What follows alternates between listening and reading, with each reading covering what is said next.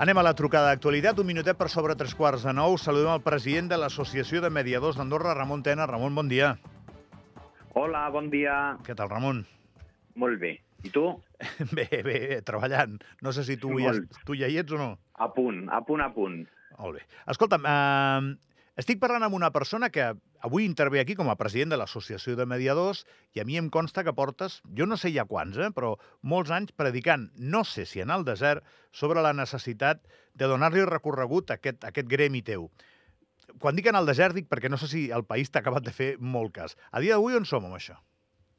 Bueno, a veure, a dia d'avui, o sigui, agafant, fent la foto del moment, la mediació està bastant parada. És a dir, després d'avançar molt, doncs s'ha quedat com a letargada. Ara, jo tampoc em diria predicar amb el desert, perquè si penso en, en fa 12 anys, quan vaig començar, sí que s'han mogut molt les coses. El que passa que com, com tota iniciativa, doncs té, té moments, doncs fa la llei aquesta del pèndol, té moments que puja molt, té moments que baixa, i jo, jo en diria potser més que, més que una professió, que no és, no és tant el que es defensa, és una manera de gestionar els conflictes.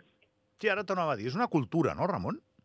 Sí, sí, justament vaig tenir aquesta conversa amb algú que va assistir, que deia, bueno, però per què s'hauria de promoure als mediadors i no als economistes o als advocats? I clar, jo li deia, no és promoure la, la gent que es dedica a la mediació, és promoure una manera diferent d'afrontar els conflictes, això més filosòfic, i és promoure una eina molt pràctica per descongestionar la batlla i per viure tots una miqueta millor, també. Clar, si el tema és cultural, tot, tots plegats hauríem d'anar coneixent aquesta nova cultura i donant-li eh, el protagonisme que, com a, com a eina útil no? que pot tenir la mediació. I aquesta feina com es fa, Ramon? Jo crec que es fa amb molta pedagogia. Eh, és a dir, primer la gent que ho conegui, que jo crec que aquí ja hi som. La gent quan li dius mediació ja no et mira amb cara rara o... Bé, aquí ja hi som. I jo crec que l'altra és eh, la part potser més pràctica, que és promovent que es faci més mediació, però jo diria que també practicant-la, i això és un tema generacional, és a dir, és un tema de, de generacions i, per exemple, que, que a les escoles, que això em consta que ja s'està fent, eh? però que a les escoles s'ensenyi que quan algú té un conflicte doncs no se n'ha d'anar directament o només com a única opció a veure el profe o veure els pares i que castiguin a l'altre, sinó intentar mantenir un diàleg, que a vegades es pot i a vegades no, eh? Clar, és que si, si no consideres l'eina útil, llavors ja no l'utilitzaràs. Eh, I aquesta és la vostra batalla, que, que persones que estan al mig d'un conflicte, a vegades encallat, pensin que aquesta figura pot ajudar, que no és decisiva al final, ho dius molt bé, no? Al final la gent, si no es vol posar d'acord, no es posarà, no? Però No. aquesta figura et pot ajudar a desencallar una situació a priori doncs, molt enquistada o molt difícil. Sí, el, el problema que a vegades ens trobem, i va molt amb la línia del que deies, és que la gent quan va a una mediació tampoc en parla. Perquè mm, si tu tens un conflicte, està molt bé que el resolguis, però, i que el resolguis bé i surtis content, però tampoc tens ganes d'anar a explicar que vas tenir un conflicte amb el teu germà o amb la teva mare o amb el teu jefe, i llavors comences a explicar-ho a tothom. I els mediadors, i això aquí som molt curosos, una part molt important de la mediació és que és una eina confidencial. Llavors nosaltres tampoc anem a explicar les coses i quan a vegades expliquem casos de mediació els, a, els difuminem de tal manera que a, a vegades, i això és una que em diuen, eh? a vegades em diuen "És que això t'ho has inventat. I dius, no, no m'ho he inventat, però bueno, és veritat que ho difumines d'una manera que ningú pugui sentir que estàs parlant de, del seu conflicte. Ramon, puc abusar una mica del teu temps, ja que et tinc aquí? Pots, pots, i tant. A més, sé que no, no només no em defugiràs les preguntes, Per sinó que... tu, eh? Gràcies. Sinó que igual t'agraden. A veure, eh, hi ha un tema del que estem parlant molt darrerament, que és un tema singular, és un tema concret, però que eh, és un tema del que parlarem, crec que recorrentment en els propers temps, perquè fa, Mm. forma part de la carpeta dels desnonaments. Doncs, Sí. aviam, hi ha una empresa que casualment, però és així, és propietat d'un senyor molt famós, que és creador de contingut, de Gref, que vol desnonar una senyora, la senyora es nega que és el que Sí. converteix el cas en únic, eh? I és una senyora d'edat que porta allà tota la vida, el seu advocat presenta uns arguments, a priori mm, la justícia, bueno, a priori no, de moment la justícia no li dona la raó, però hi ha un recurs i ja veurem com acaba això. Si jo et planto al mig d'aquesta situació amb tota aquesta gent en una sala, quines armes desplegaries tu per intentar posar-los d'acord? Jo potser el primer que intentaria és que s'escoltessin, però no que s'escoltessin els arguments jurídics o, o els arguments morals, no? sinó que es poguessin escoltar com a persones i que poguessin escoltar-se doncs, quin és, quina és l'afectació o quines són les necessitats que han pogut tenir en aquest conflicte.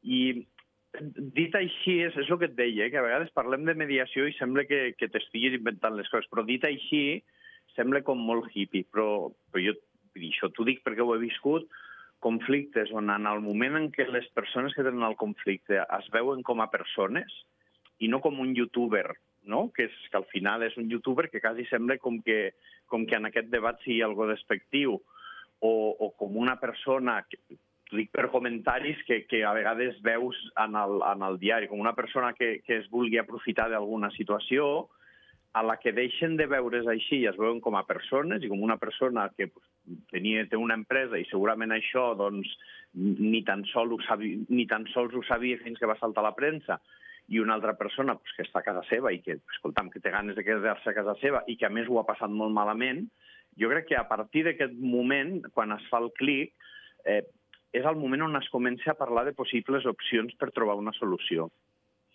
I bueno, no conec el cas, eh? o sigui, aquí no conec el que s'ha pogut veure en premsa. No, i no tens obligació d'entrar en profunditat. He fet un plantejament general sí. perquè quan tu mires de fora, els que, per exemple, no, no ens veiem en situacions com les que tu t'has trobat, veiem que els interessos estan tan contraposats, no? perquè al final aquesta senyora, eh, molta gent s'ha vist en, en la situació de, de la Maria Teresa Segalàs i se n'ha anat.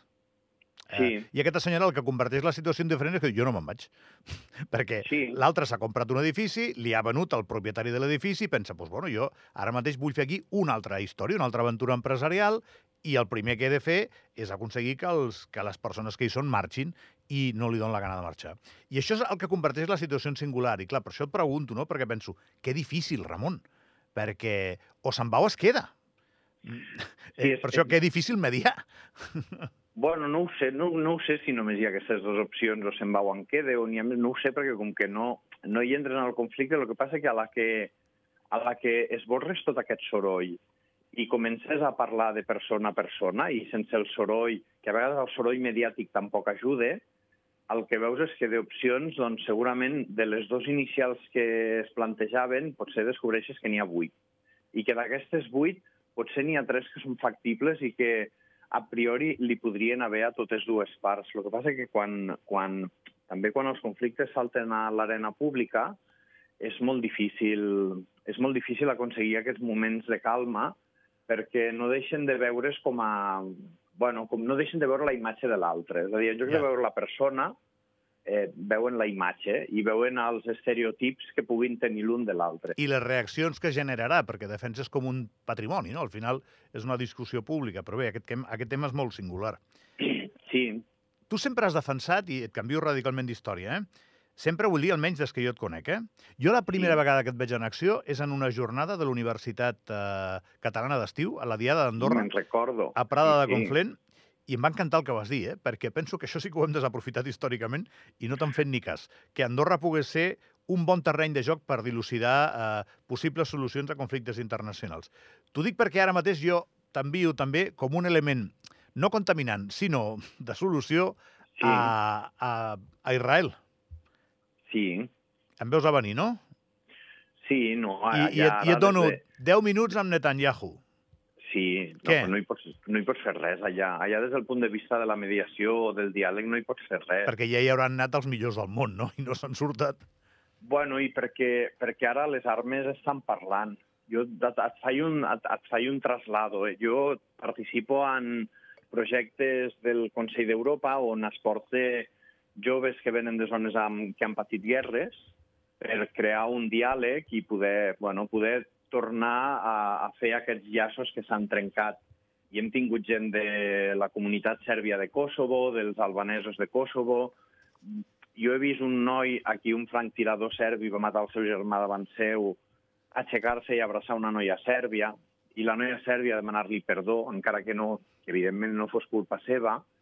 És a dir, sí que es poden fer coses, però hi ha un moment on es pot fer, hi ha un moment que la pau es pot aconseguir i hi ha moments que no.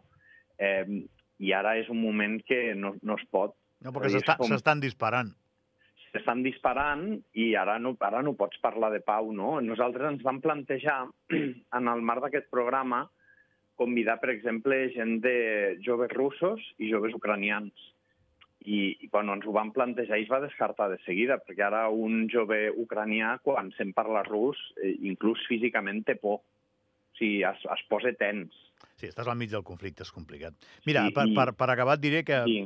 mm, com bé saps, m'he passat bastants anys treballant en una empresa en la que a vegades venien molts... Bueno, a vegades venen molts estrangers, Sí. i quan ha aterrat un croat i un serbi al mateix equip, doncs són els millors amics. Immediatament. Ara, han, de, Sí. pas, han de passar uns anys. Immediatament, eh? O sigui, passa de natural. Les famílies van juntes, sempre estan junts. Sí, bueno, i que al final els Balcans, fins no fa tants anys, era un sol país i hi ha moltes famílies mixtes, Sí. però, clar, han passat uns anys. Perquè ara, per exemple, ens trobem amb Digue'm un 30 albanesos. segons, Ramon, si us plau. No, quan, quan les armes estan parlant i la violència és molt present, plantejar determinades situacions de pau és difícil. Pots fer que el conflicte no escali més, però baixar-lo, no. Ramon Tena, el president de l'Associació de Mediadors. Això dona per més, eh? Un dia, un dia t'he de Quan fer venir. vulguis, quan vulguis parlem. Una abraçada gran, Ramon. Una abraçada. Adéu. bé.